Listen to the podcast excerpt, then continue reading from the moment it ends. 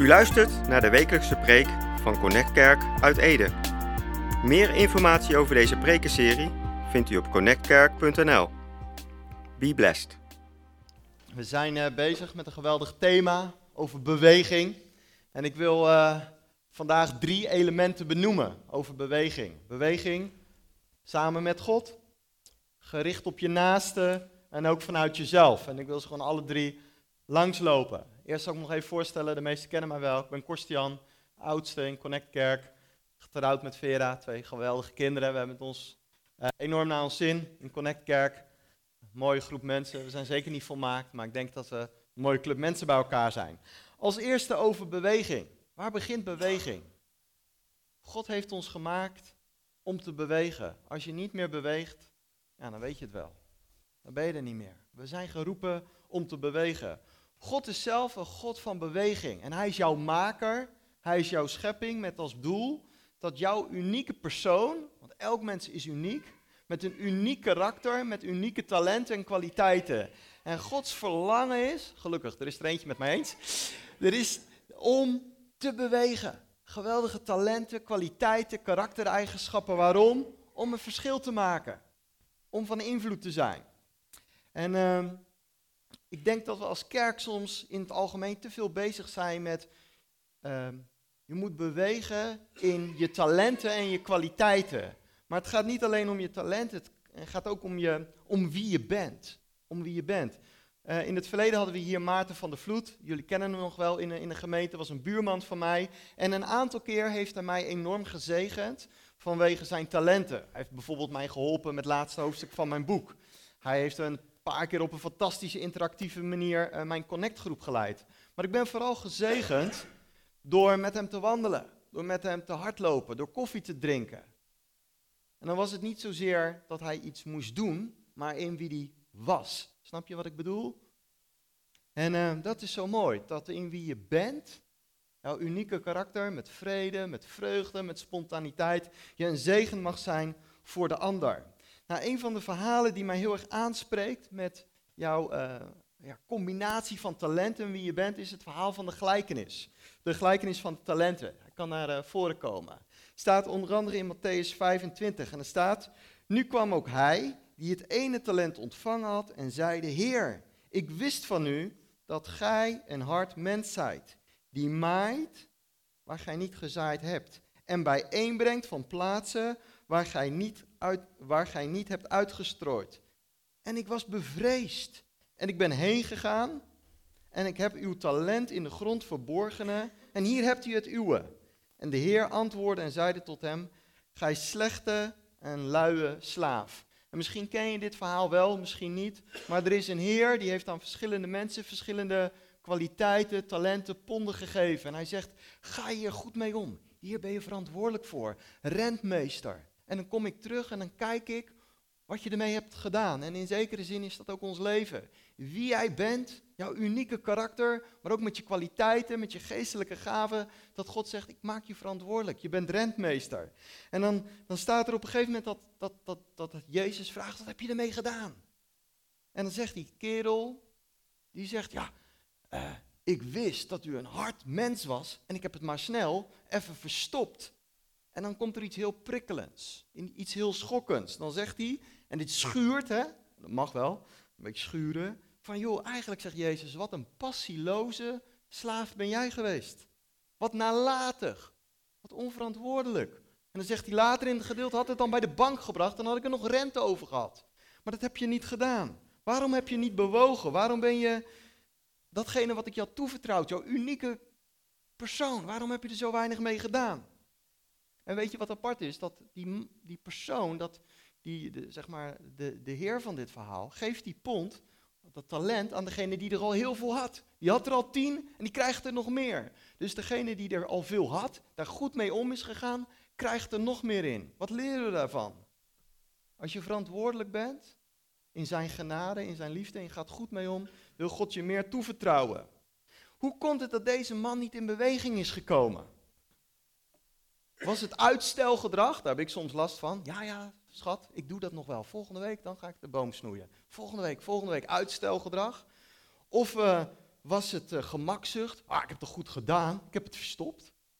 Goed gedaan. Wat was het?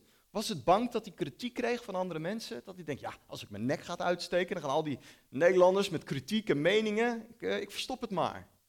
Wat was het? Waarom was het dat die kerel doelloos op de bank bleef hangen?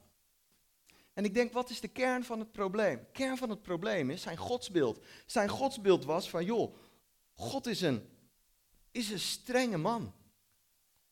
En hij zegt daar in het, uh, in het Grieks een, een, woordje van, uh, eigenlijk het is een God zonder gevoel.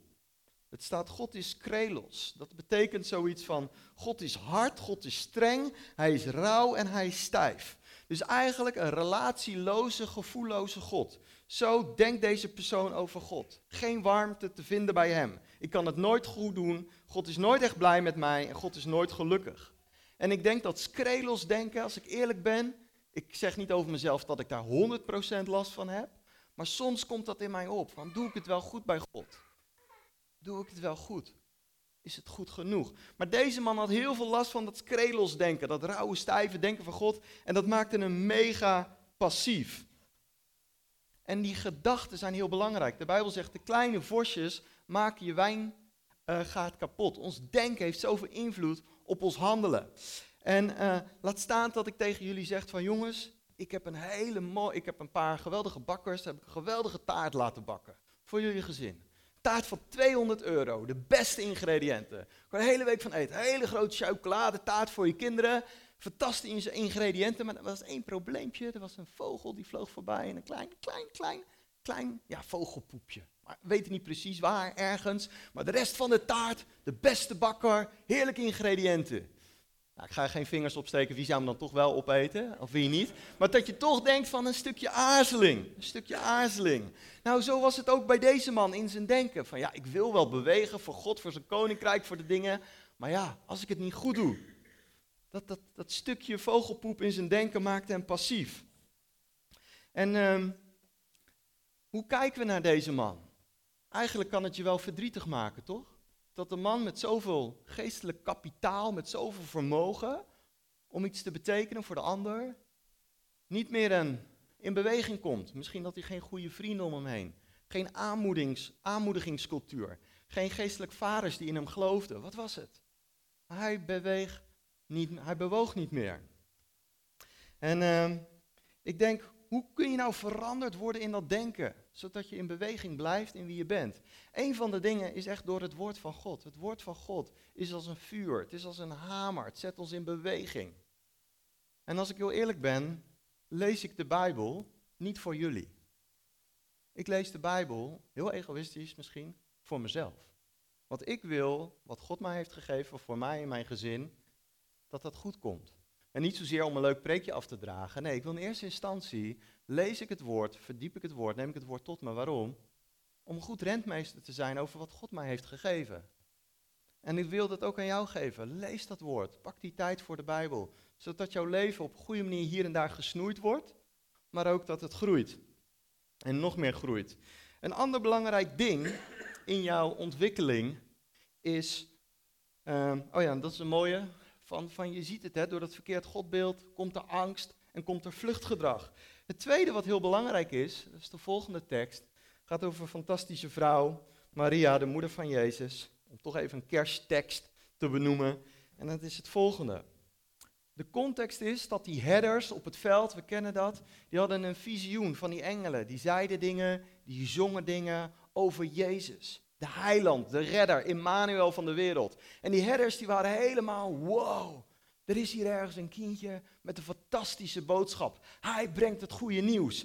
En dan zeggen ze, wij moeten dat kindje zoeken en vertellen. Het visioen, de profetie, hemelse bovennatuurlijke woorden, dat willen we vertellen aan hun ouders. En dan lezen we deze tekst. Ze gingen meteen op weg, in beweging. En ze troffen Maria en Jozef aan. En het kindje Jezus dat in de voederbak lag. Toen ze het kind zagen, vertelden ze hun, vertelden ze hun, dus Jozef en Maria, wat over dat kind door die engelen gezegd was. En alle die, die het hoorden stonden verbaasd over wat de herders tegen hen zeiden. Maar Maria bewaarde al deze woorden in haar hart en bleef er over nadenken. Dit vind ik zo'n mooi gedeelte. Maria kreeg eigenlijk een profetische woorden, indrukken over haar, over haar zoon. Het was haar babytje, over haar kind. En natuurlijk wist ze wel hoe bijzonder hij was, want we hadden al eerder gesproken.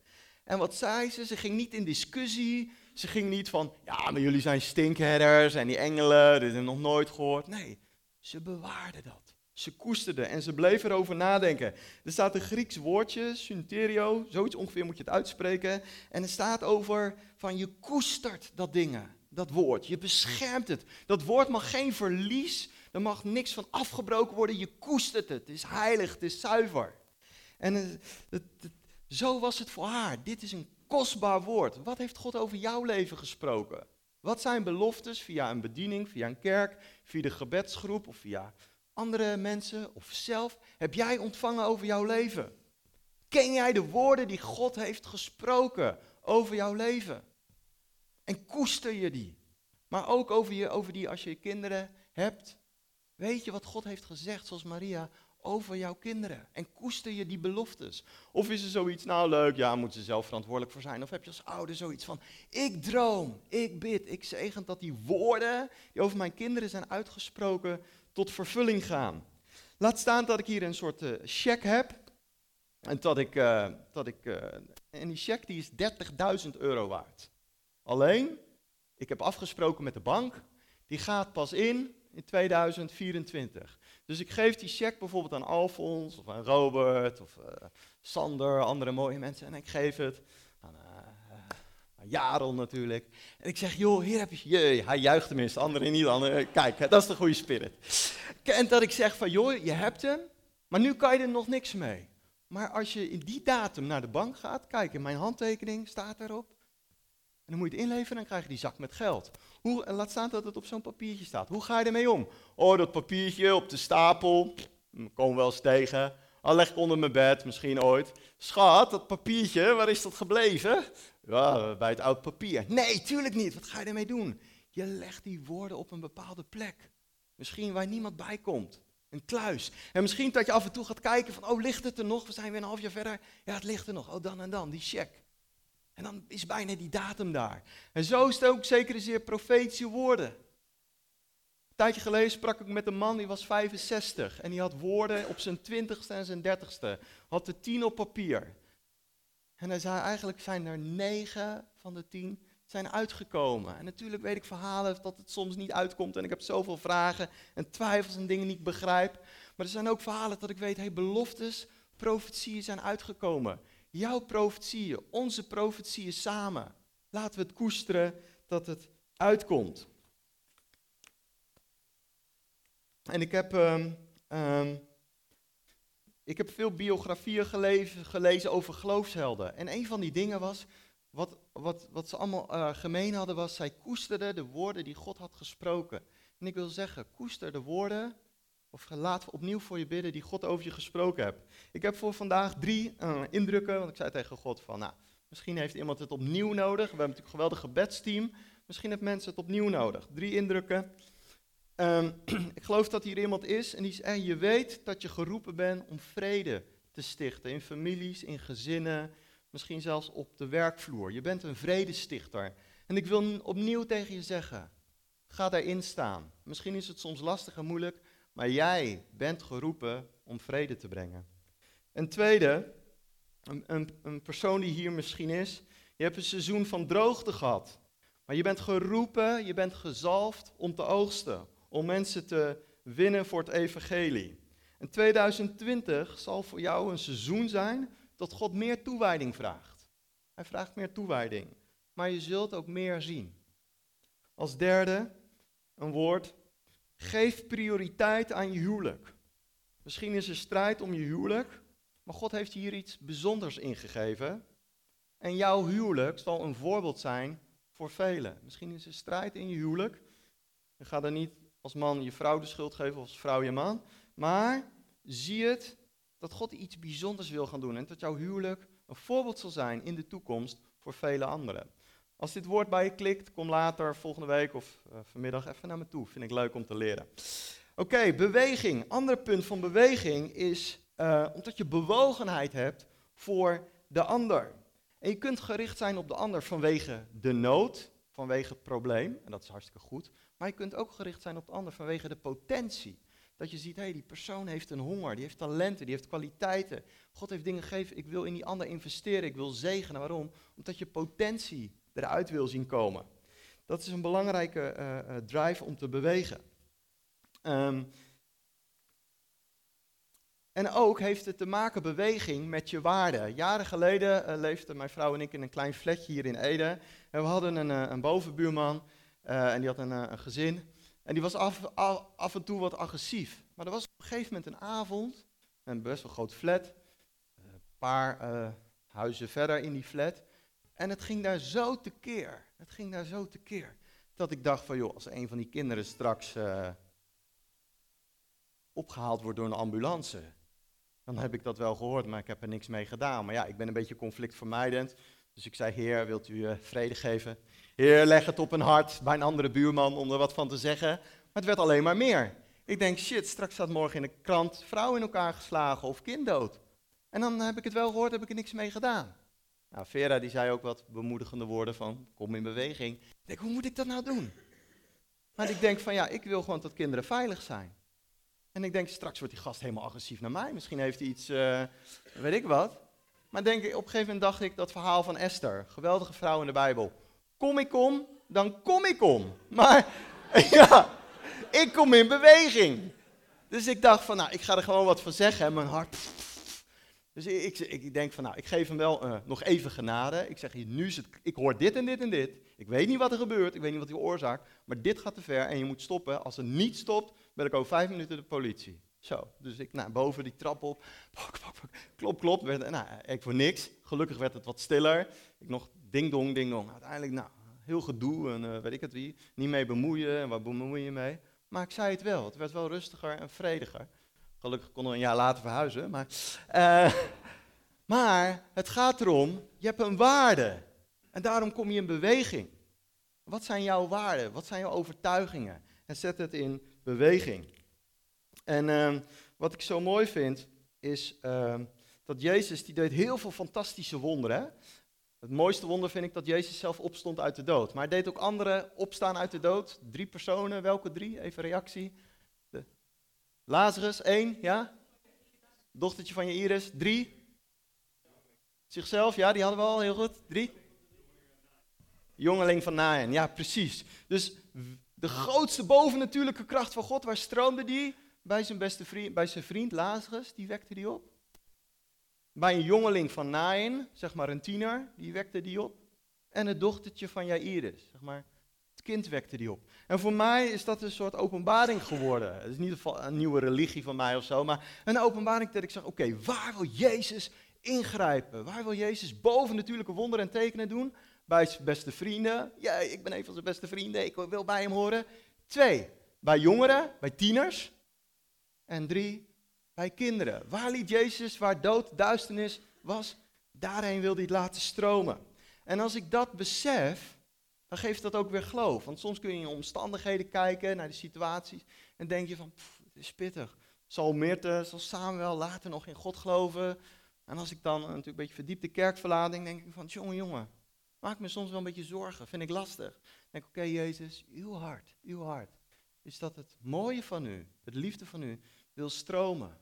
En dat wil ik dan uitbidden, daar wil ik mee zegenen. Oké, we kennen natuurlijk dat verhaal dat Jezus, uh, dat, de, dat de mensen, de kinderen brachten bij Jezus. Ik wil die tekst lezen.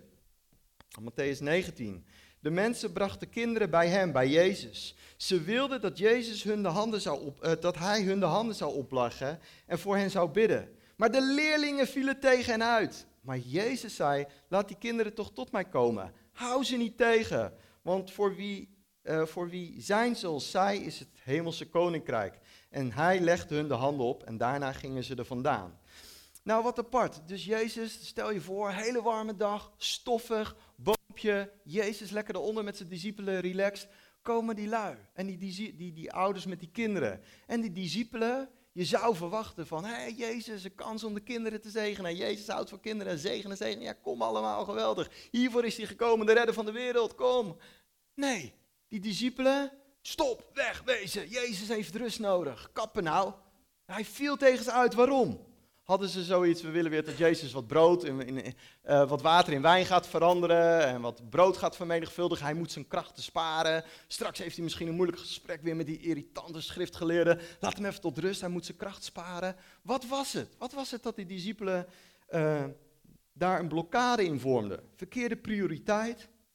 Was het zoiets dat Petrus zoiets had? Nee, Jezus moet de maatschappij veranderen, kinderen zijn voor later. Wat was het? En de psycholoog in mij, de hulpverlener in mij, die heeft zoiets van, als je geen ruimte geeft aan het kind in jezelf, creativiteit, spontaniteit, het kinderlijke, kun je dan wel ruimte geven aan, aan echte kinderen. Als je nauwelijks je eigen kinddeel serieus neemt, hoe kan je andere kinderen dan serieus nemen? Was dat een blinde vlek bij deze gasten? Maar Jezus is bewogen over de kinderen. Nou, onze visie in de kerk is next generation. Studenten, jongeren, tieners, kinderen zijn belangrijk. Waarom? Omdat God gesproken heeft. Niet zozeer van, hé, hey, dat is een leuk idee. God heeft gesproken over Connect Kerk. Dus daarom willen we meebewegen met wat God heeft gezegd. En ik, ik heb natuurlijk verdiept in kerkverlating en Um, een van de redenen dat mensen de kerk uitlopen, zeg maar in de leeftijd van wat ik onderzocht heb van 15 tot 40, is dat ze vooral zeiden, die generatie boven mij, die was eigenlijk niet zo geïnteresseerd in mij. Dus de generatie boven, zeg maar, ik, ik zit in die leeftijdscategorie 20, 40, en heel veel van ons die zeggen, ja, die, die leeftijdscategorie boven ons, ja, die hadden eigenlijk een stukje desinteresse. Misschien zelfs een stukje dan zet ik het even heel zwart-wit neer. Een stukje verwaarlozing. Vorig jaar had ik een hele leuke connectgroep met allemaal mannen. En toen zei ik van wie zijn geestelijke vaders in je leven geweest? Met wie je echt contact had. En eigenlijk zeiden we allemaal van ja, dat hebben we, hebben we eigenlijk nooit gehad. Echt geestelijk vader die met je ging wandelen, ging voetballen, ging kletsen, bidden. Verwaarloosde generatie. Als kerk kunnen we en mogen we niet zo zijn. En zo zullen we ook niet zijn. Want we zijn geroepen om net als Jezus te kijken naar de jongeren en naar de kinderen en het bovennatuurlijke kracht daar te laten stromen. En ik geloof dat Connect Kerk een roeping heeft, een zalving, een bestemming voor de jeugd. En dat willen we met ons hele hart als leiders pakken. Jezus is bewogen over kinderen, over tieners, daarom mogen wij dat ook zijn. Derde wat belemmert in beweging, dat is je eigen beeld. Eigen beeld is zo belangrijk. Hoe kijk je naar jezelf? Als je zelf helemaal zegt, ik kan niks, ik ben niks, het stelt allemaal niks voor, ja, dan ga je eigenlijk van die grote zware gevangenisballen om je eigen voeten heen doen en kom je niet in beweging. Je eigen denken remt jezelf. En we weten in het verhaal het Oude Testament dat God heeft beloofd aan Israël, het volk van God, om land in bezit te nemen. Land in bezit. En God heeft geweldige wonderen en tekenen gedaan. En toch elke keer, hoe herkenbaar is dat? Als er een nieuw gebied is in te nemen, gaan ze weer twijfelen. Maken ze zich weer zorgen van gaat het wel gebeuren? Maar wat zo apart is, als je dus nieuw gebied hebt in te nemen, je hebt vijanden die tegenover je staan, dan mogen we geloven, dat hebben we net ook zo op een bijzondere manier gezongen, dat God bezig is met die obstakels, dat God bezig is met die vijanden. Ik wil één tekst lezen daarover. En uh, dat staat in Jozua 2, vers 9. Dat is het verhaal vanuit uh, Rahab, die vrouw met dat gelaken koord. En zij vertelt vanuit haar perspectief hoe zij keek naar het leger van God. En zij zegt dan in Jozua 2: Ik weet dat de Heere u dit land gegeven heeft. En dat het de schrik voor u op ons is gevallen. En dat al de inwoners van dit land weggesmolten zijn van angst voor u. Want wij hebben gehoord dat de Heer het water van de Schelfzee voor uw ogen heeft doen opdrogen toen u uit Egypte ging. En ook wat u hebt gedaan met de koningen van de Amorieten, Sion en Och, die u aan de andere zijde van de Jordaan waren, die u met de ban geslagen hebt. En toen wij dat hoorden, smolt ons hart weg van angst. En vanwege u bestaat er geen moed meer in iemand. Want de Heere, uw God, is een God boven de hemel en beneden op de aarde. Dus het geluid, de wonderen, de tekenen. God was al bezig. En dan heb je die groepje verspieders. Help, we zijn zo bang. Wat moet er gebeuren? Er zijn reuzen, er zijn blokkades, barrières. Ik durf niet, ga jij maar eerst. Ik vind het lastig, er zijn reuzen daar. En weet je wat, ze, wat zullen ze denken? En bij Caleb en Jozua was er een andere geest was er een andere houding. Maar hoe komt dat? Hoe, het is niet alleen hoe je kijkt naar God, maar ook wat God over jezelf zegt. En wat geloof je van God? Ik heb, uh, en misschien jij ook wel, heel veel barrières in je leven overwonnen. Niet dat ik alles weet of zo, hier en daar ben ik nog een prutser, maar er zijn bijzondere verhalen in mijn leven. Het dat ik ik heb zelf bewogen, maar God was links, rechts en daarachter ook al bezig om de vijanden, de obstakels, de situaties te verzwakken. God is aan het vechten voor ons, terwijl je het niet ziet, terwijl je het soms niet doorhebt. Maar als jij beweegt, beweegt ook God. En soms beweegt God eerst en dan mag jij daarna bewegen. Soms vraag ik me af, hier, God, wie moet als eerste bewegen? Soms zegt God, ik beweeg als eerste en jij daarna. En soms zegt God, jij eerst en dan volg ik. Weet je? En andere teksten wil ik mij afronden. Oh ja, belangrijk, zonder geloof is het onmogelijk. Het is soms geloof. Soms denk ik, als ik een paar briefjes of een paar boekjes uit de hemel krijg, ja, dan kom ik in beweging. Tot zeg, God zegt, wil je mij plezieren? Wil je mij vreugde geven? Geloof mij. Geloof is datgene wat God als het ware opeet en wat tot plezier voor zijn hart is. En er staat er nog één tekst, laatste tekst, nummer 13, en er staat, ehm, wij hebben daar zelfs reuzen gezien, zeggen de verspieders, de Enakieten. Vergeleken bij dat volk, dus ze gaan vergelijken, nou dat moet je nooit doen, want het valt heel vaak slecht uit. Of je wordt super trots, hey, ik ben beter dan die ander, of je denkt, oh ik word minder. Dus vergelijken, niet doen. Bij dat volk van reuzen voelden wij ons maar niet te gesprinkanen. En veel meer zullen we in hun ogen niet geweest zijn. Dus zij gingen invullen wat die ander dachten. Zij gingen invullen wat die ander dachten. En zij dachten, die gasten, die dus in de realiteit wegsmolten en het in hun broek deden en zeven kleuren scheten. Ja, die gasten, ja, we zijn maar springkanen, we zijn maar steekvliegen in hun ogen. Dat is helemaal niet waar. Het was zij voelden zich. En het staat ook dat gevoel. We hadden het gevoel. Nou, als hulpverlener ben ik aan de ene kant heel erg voor gevoel en luister naar je gevoel en neem je gevoel serieus en signalen van je gevoel, weet je. Aan de andere kant denk ik, ja, soms is gevoel ook zo'n Judas, joh.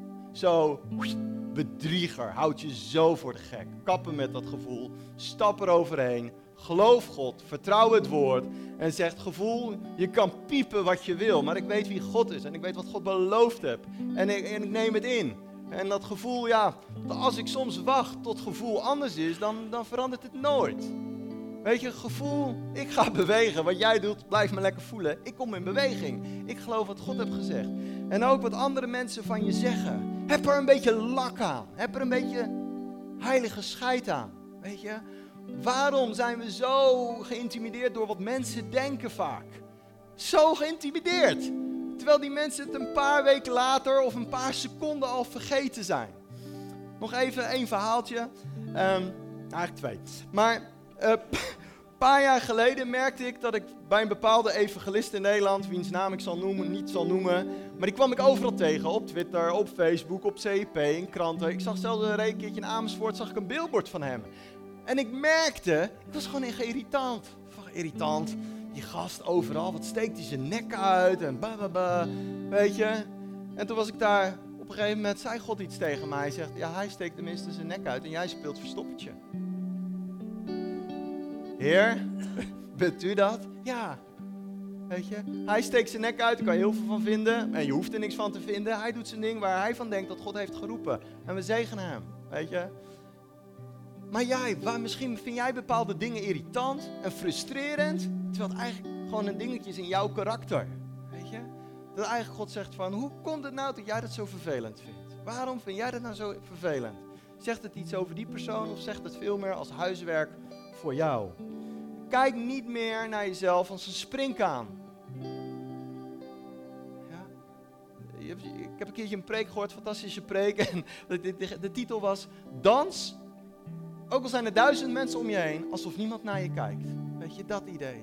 Beweeg, beweeg in datgene wat God heeft geroepen. Niet wat andere mensen per se van je vragen of verwachten, maar wat is jouw overtuiging? Wat is jouw beloofde land? En als je het soms lastig vindt, ik vind het soms ook lastig om bepaalde stappen te nemen, ga je me toe van joh, ik weet dat ik die stap moet nemen. Ik weet een paar jaar geleden dat ik dat boek, ik voel dat ik dat moet schrijven. Ik weet dat ik dat ga doen. Maar ik vind het eng, ik vind het spannend, ik durf niet, ik wil me verstoppen. Ik wil, Heer, geef me een roeping als monnik in het klooster, alstublieft. En dat andere mensen om je heen staan en zeggen, maar ik geloof in jou. En ik support jou. We bidden voor je. We zien leiderschap, we zien potentie, we zien kwaliteiten. En zo willen we een gemeente zijn. Onze waarde is onder andere elkaar eren. Nou, valt niet altijd mee. Is soms lastig, maar we eren en we herkennen en we waarderen de roeping, de zalving, het talent die jij hebt gegeven van God. Want ik geloof, als ik ehm, bijvoorbeeld de roeping van Iris, als ik die zegen en zalf, dan zal God mij niet dat het daar ook weer voor eren. Weet je? En het kan in de kerk zijn, maar het kan ook buiten de kerk zijn. Als ik woorden van leven over een onderneming of een bedrijf van een van jullie, dan zegt God ook weer, Kors, dat, dat heb jij goed gedaan. Het is teamwork, het is samenwerk. Laten we dat, ik en mijn kleine hokje, laten we dat weggooien en samen. Ik geloof dat we als Connect Kerk geroepen zijn om ook met bedrijven en ondernemers dat het groeit. Even vingers, wie heeft een onderneming hier? Halleluja, fantastisch. Wie wil er een onderneming starten? Het zijn er denk ik meer. Wie denkt echt, ik wil een onderneming starten? Ik wil daar gewoon even een moment spontaan voor bidden. Vader, dank u wel voor deze mensen die een onderneming hebben of willen starten. En ik geloof dat God je wil bekwamen. Dat God zegt van de, de muren van Jericho in jouw denken en om jou heen gaan vallen. En jij bent geroepen om een onderneming te hebben van kwaliteit. Van kwaliteit. God zegt het gaat niet in eerste instantie om geld. Het gaat om kwaliteit van jouw product en je inhoud. Maar God zegt ook, geld gaat stromen. Geld komt in beweging. En er zijn misschien een aantal mensen hier die zoiets hebben, ja ik heb niks met onderneming. Maar luister, misschien is het maar voor één persoon. God zegt, je hebt het misschien nooit gedacht. Maar het is wel voor jou. Het is wel voor jou. En degene die bij een onderneming werken, ik bid voor gunst. Zoals, uh, zoals uh, Jozef gunst had. En dat de, dat de leidinggevende zei: Jozef, hoe moeten we het aanpakken? Zo profeteer ik. Ik proclameer: in 2020 zal jouw leidinggevende of jouw baas bij jou gaan komen. En zeggen: van, Hé, hey, hoe moet ik het aanpakken? En jij zal een adviseur gaan worden van zeg maar de koning, van de leidinggevende. Ik heb nog een paar indrukken, had ik ergens opgeschreven. Um,